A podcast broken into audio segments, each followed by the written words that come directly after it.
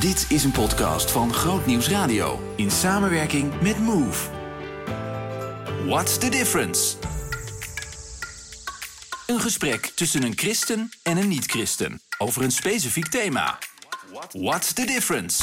Vandaag militairen. Ik ben Wisse, ik ben christelijk opgevoed en ik heb daarna het geloof losgelaten. Ik ben Rodi en ik geloof in God. Hoe lang heb je in het leger gezeten en welke functie had je? Bijna negen jaar en ik ben begonnen als soldaat bij de genie, daarna corporaal, plaatsvanger en uiteindelijk geëindigd eh, nog een paar jaar als sergeant. Ja, dus jij hebt je wel eh, omhoog. eh, Ik heb wel een paar functies doorlopen, ja. ja. En wat- En wat heb jij gedaan? Hoe lang heb je in het leger gezeten? Wat was Nou ja, ik, actually, eh, ik zit er nog steeds. Ik heb alleen een overstap gemaakt. Ik heb 15 jaar heb ik eh Corps Mariniers eh, achtergrond. Mhm. Eh, en recentelijk eigenlijk de overstap gemaakt naar de Marechaussee. Dan ga je natuurlijk vragen waarom heb je die overstap gemaakt? Ja, nou, je bent me voor. Eh nee, 15 jaar eh Corps Mariniers en eh, echt gewoon living the dream. Ja, is een beetje heel de wereld gezien. uit vliegtuigen gesprongen, alles aan de hand. Alleen, ja, op een gegeven moment dan, dan krijg je een gezin. En Ja. ik kreeg een klein meisje, Mm. die is inmiddels alweer zes ook. En, eh, nu een, een kleine erbij ook. En, en ja, dan wordt het tijd voor wat meer rust in de tent. Ja. En dan kwam, ja, heel, heel cru, maar ja, dan moet je soms wat minder sexy functies gaan kiezen. ja, ja, En, ja. en eh, ja, dan ga ik geen twaalf weken in Noorwegen meer rondlopen. Nee. Maar ehm, ben je ook op missie geweest naar, naar oorlogsgebied? Ja, Afghanistan heb Hm. ik zeven maanden rondgebracht. Kijk. Ja, En, en jij? Irak, vijf maanden. Oké. Afghanistan, Irak. Dat is wel het eh, serieuze werk eh, direct ook. daar is het warmer dan hier op zolder. Ja, en soms is het ook kouder. Ligt eraan waar je, Ja. gaat, dat klopt. Ja. Ja. Ja, Ja. Nou, oké, daar is ook veel meer over te vertellen. En dat komt ook terug in een aantal van deze vragen. Dus eh, die bewaren we nog even. Oké, check.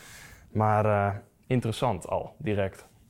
Heb je ooit aan een hogere macht gevraagd of hij je bij wilde staan toen je in dienst zat? Ja, ik, eh, ik weet nog heel goed dat ik op een gegeven moment, eh, dat heb jij ook eh, gehad, je moet naar Amsterdam en daar moet je door de hele keuring en selectie heen. En dan ga je eerst psychologisch even door elkaar geschud worden om te kijken of alles klopt. Vervolgens word je medisch gekeurd en, en ook nog fysiek. En op het moment dat ik daar de uitslag van kreeg, belde ik naar huis. En ik wist dat mijn vader die dag de uitslag kreeg van zijn onderzoek. En ik was heel euforisch omdat ik door was, de- door de fysieke keuring en deel mocht nemen aan de opleiding. Eh, mijn vader had minder goed nieuws, die eh, had kanker. Hm. Of in ieder geval, dat was eh, geconstateerd. Dus vanaf dat moment ga je eigenlijk samen een, een, een, een strijd aan. Zijn strijd tegen kanker, mijn strijd om, om de eindstreep te halen. Ja, uiteindelijk heeft hij mij binnen zien komen wandelen met de beret op. Of tenminste, die moet je dan uiteindelijk op gaan zetten. Maar daar is hij gewoon bij geweest. Noorwegen, ja, toen was hij eigenlijk al overleden. Tijdens eh, oefeningen, tijdens uitzendingen... heb ik altijd maar houvast gehad aan het feit dat mijn vader met me mee zou kijken. En mij zou adviseren van, ga hier zitten, hier heb je goede dekking. Ja. Ja, zo voelde ik Ja? het. Ja, dat is echt hogere machten, I don't know. Maar dat, dat vertrouwen in, in mijn vader nog steeds, ja, dat heb ik altijd wel gehad. Maar voor jou is het dus niet God, hè? Eh, daar geloof je... Ik ben heel christelijk opgevoed. Eh, ik heb me altijd moeten conformeren aan hun wens. Hm. En eh, eigenlijk ja, heb ik daar wel eh, een, een, een weerstand tegen opgebouwd. Omdat het niet mijn eigen keuze was, maar wel opgelegd. En, en eh, ja, voor mij heeft dat anders uitgepakt dan dat hun zouden willen. Laat ik het dan netjes zeggen. Dus Ja. ik wil het niet gelijk pam negatief maken. Maar eh, ja, voor mij is het wel op een gegeven moment... ja, ik, Ja. ik heb er niks meer mee gedaan. Nou, nou eh, jij gelooft wel. Eh, hoe, hoe luister je hier naar? Eh, ergens wel herkenbaar. Want eh, vroeger gingen wij ook wel naar een wat strengere kerk. En die zijn toch vooral eh, een man met een zwart kleed en heel negatieve preken ook. Je moet dit en je moet zus en doe dit, want anders. Mhm. Toen heb ik wel een tijd gehad dat ik niet eh, meer naar de kerk ging. Ik denk een jaartje, anderhalf. En uiteindelijk toch weer een beetje opgepakt. Ook omdat ik een vriendin eh, kreeg die geloofde. Dus dan ga je weer een paar keer mee. En hoe ik uiteindelijk weer tot geloof ben gekomen... dat is omdat ik toen naar een alfa-cursus ben gegaan. Eh, mijn vriendin die ging erheen, die zei ja, ga mee. Nou, na veel vragen, bijna zeuren, eh, toch meegegaan. Nou, daar verdiep je eigenlijk zo erg erin dat bepaalde... voor mij gingen er toen kwartjes vallen. Ehm, en had ik toch wel het idee van, nou, het kan bijna niet, niet waar zijn. En dan kom je erachter dat je allemaal een beetje hetzelfde resultaat. En uiteindelijk Hm. krijgt iedereen toch zoiets van, nou, dit klopt. En je gaat dan verder en verder. Ja, en het gevoel, eh dat is lastig omschrijven. K- Kriebels in je buik, denk ik, zoiets. ja, eh, kriebels in je buik, soms eh, kippenvel. Hm. Dat je bepaalde liederen hoort, de tekst hoort, dat je denkt van... Mooi om toe te passen op je, op je leven. En ja, voor mij is het nu gewoon eh, dat ik er ook voor uitkom. Op het werk ben ik er toen ook voor uitgekomen. Nou, en dat blijkt dat eigenlijk helemaal niet eens zo heel gek is om te doen. Je denkt je altijd wel, vooral een mannenwereldje. Dus ik heb dat ook nooit gedaan. Ik heb altijd gezegd, eh, ik ben christelijk opgevoed, maar ik doe er niks meer mee. En dan was ik er maar vanaf, van die Nou ja. vraag. Dat zei je tegen je kameraden Ja. in het leger. Ja, dat zei, ik zeg altijd van, ik ben christelijk opgevoed, maar ik doe er eigenlijk niks meer mee. Nou, dan ben je ook van die vraag af. Ja. Om verder moeilijke vragen te, ehm, te ontwijken. Nou, en uiteindelijk heb ik gewoon voor mezelf bepaald, vanaf nu... Terwijl ik ook gewoon aan iedereen... eh, eh, want ik was toen toch sociaal, dus dan moet je een heel rondje doen. Dan noemen we allemaal functie-introductiegesprekken. En je hebt dan je eigen groep. Toen heb ik gewoon gelijk gezegd van, nou, ik ben christelijk. En ja, niks geen gekke reacties, ja. Hm. Ja, oké, prima. Dan letten we erop, zeiden sommigen zelfs. En ik heb helemaal niks geen gekke reacties gehad. Dus dan denk ik van, ja, waarom heb ik dat altijd dan zo eh, gek gevonden om te zeggen? Dat ik hem eigenlijk altijd zo afwimpelde. Ja. Terwijl ik toen de tijd al wel, ja, ik heb wel altijd geloofd. Maar toch altijd gezegd, ja, ik ben gelovig opgevoed, maar Ja. Weg met de vraag. ja. Misschien dan toch doordat je van binnen die laatste stap nog niet had gezet. Ja, dat vooral. Roept dit vragen bij je op dat je denkt, eh, hoe zat dit of hoe is dat gegaan? Nee, maar ik vind het alleen maar mooi. En als hij zegt van, ja luister, eh, kijk, het het gevoel wat hij omschrijft, dat, dat herken ik. Dat, dat je ergens echt helemaal van gaat gloeien en dat je denkt van, dit is het voor mij.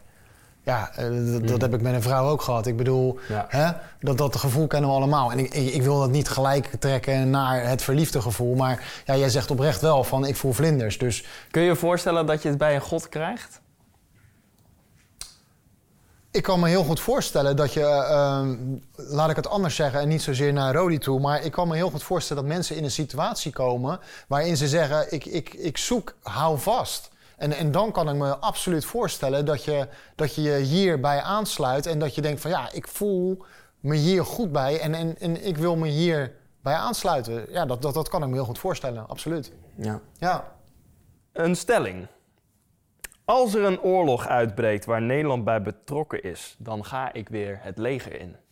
Dat is lastig. Eh, als, als ik terugkijk op de uitzending die ik heb gedaan eh, en wat het mij heeft gebracht, ook eh, los van het feit dat het me ook eh, dingen heeft gekost. Als ik dat tegen elkaar wegstreep, dan zeg ik ja, doe mij maar weer een uitzending. Anderzijds denk ik ook dat het me nu heel erg tegen gaat staan dat het dat betekent dat ik mijn kinderen en, en mijn vriendin achter moet laten. En, en ja, dan, dan denk ik toch dat ik eigenlijk ook neig naar de keuze die ik nu heb gemaakt voor de marechaussee. Eh, toch gewoon wel actief, maar niet meer naar eh, Afghanistan. Eh tuurlijk, het is altijd denkbaar, hè. Maar Je vindt het lastig om Nee, nee, maar- te zeggen. Dat, nou ja, we- weet je wat het gewoon een beetje is? Ehm, aan de ene kant wil je, wil je sexy dingen doen. En ik noem het nu maar sexy, maar Ja. dan, dan chargeer ik het. Maar dan is het wel gewoon duidelijk wat ik ermee bedoel te zeggen. Dat is het, het, het en dan bedoel jij ultieme. ook missie, het ja, nou, maar dat is het ultieme. Daar, daar, daar train je voor. Ja, en, ja. en een voetballer wil ook niet op de bank zitten. Die wil ook die wedstrijd spelen en, en de winnende maken. En zo voelt het voor een militair ook. Die wil niet alleen maar trainen, trainen, trainen... en vervolgens zeggen, op de bank vriend. Die Ja. wil ook die, die uitzending draaien. En, en ik denk dat een militair hart altijd neigt naar spelen. Hm. En of je dan de winnende of niet maakt, dat, dat is dan even ondergeschikt. Maar je wil altijd spelen. Nou, nu, nu ben je al wat uitgesprokener dan een minuut geleden. Toen was het nog wel maar... Nee, ja, maar op een gegeven moment neemt je, neemt je, neemt je Ja. gevoel eh, het over van, van je verstand, eh, denk ik. En eh, dit is wel wat het is. Ja. En dit is uiteindelijk ook je drijfveer geweest om, om alle eh, negatieve aspecten, dat overschaduwt, eh, dat feit dat je, dat je die uitzending kan doen. Ja. Ja, Ja, ja. ik er nog 100% ja. jij gaat maar ook. ik heb, ik heb alleen nog een eh, vriendin, verloofde en een eh, hond. Dus die redden zich wel. Ik baalde ook echt van dat ik Afghanistan mis heb eh, gelopen. Die had ik ook nog graag willen draaien. Ja. Ja, dat doe je het voor. Dat, dat is gewoon het mooiste wat er is. Ja, maar snap je dat, dat ik dit echt bizar vind om te horen?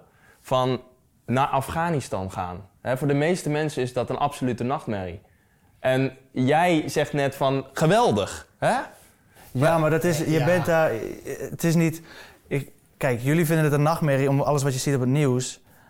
Maar ik ben daarheen geweest eh, naar Irak en ik heb mensen mogen opleiden. En ik heb, ik geloof het of niet, ik heb gewoon een applaus gehad na mijn les. Omdat die lui die zijn zo ontzettend blij dat jij daar komt, hun uitleggen hoe ze een ID eh, moeten zoeken en uit de grond moeten halen. Omdat hun net een week geleden hun kameraad zijn verloren aan een bermbom. Nou, daarna krijgen ze les van mij en hun denken nu eigenlijk yes.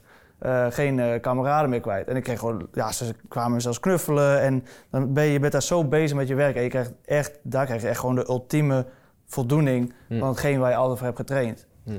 En dat is eh, een soort van, ook een magisch gevoel wat niet te omschrijven is. Dat, dat ga je hier in Nederland nooit krijgen. Ja, en als je dan zo aan het oefenen bent en je mag uiteindelijk daar lessen geven... en die lui die zijn er zo ontzettend blij mee. En je weet ook dat hun daarna richting Mosul gaan, eh, richting IS... en je hebt daar zo je steentje mogen bijdragen. Ja, dat is voor mij waarom ik nu weer zou zeggen, ik ga gelijk. Ik zou gelijk weer gaan. Ja. Nog even concreet, hè, want op, op het moment dat we dit opnemen is het eh, uiterst onrustig eh, in eh, Oekraïne en in die omgeving. Ja. Stel, eh, dat escaleert volledig, we moeten er naartoe. Mhm. Jullie gaan. Ja, ik, ik wel.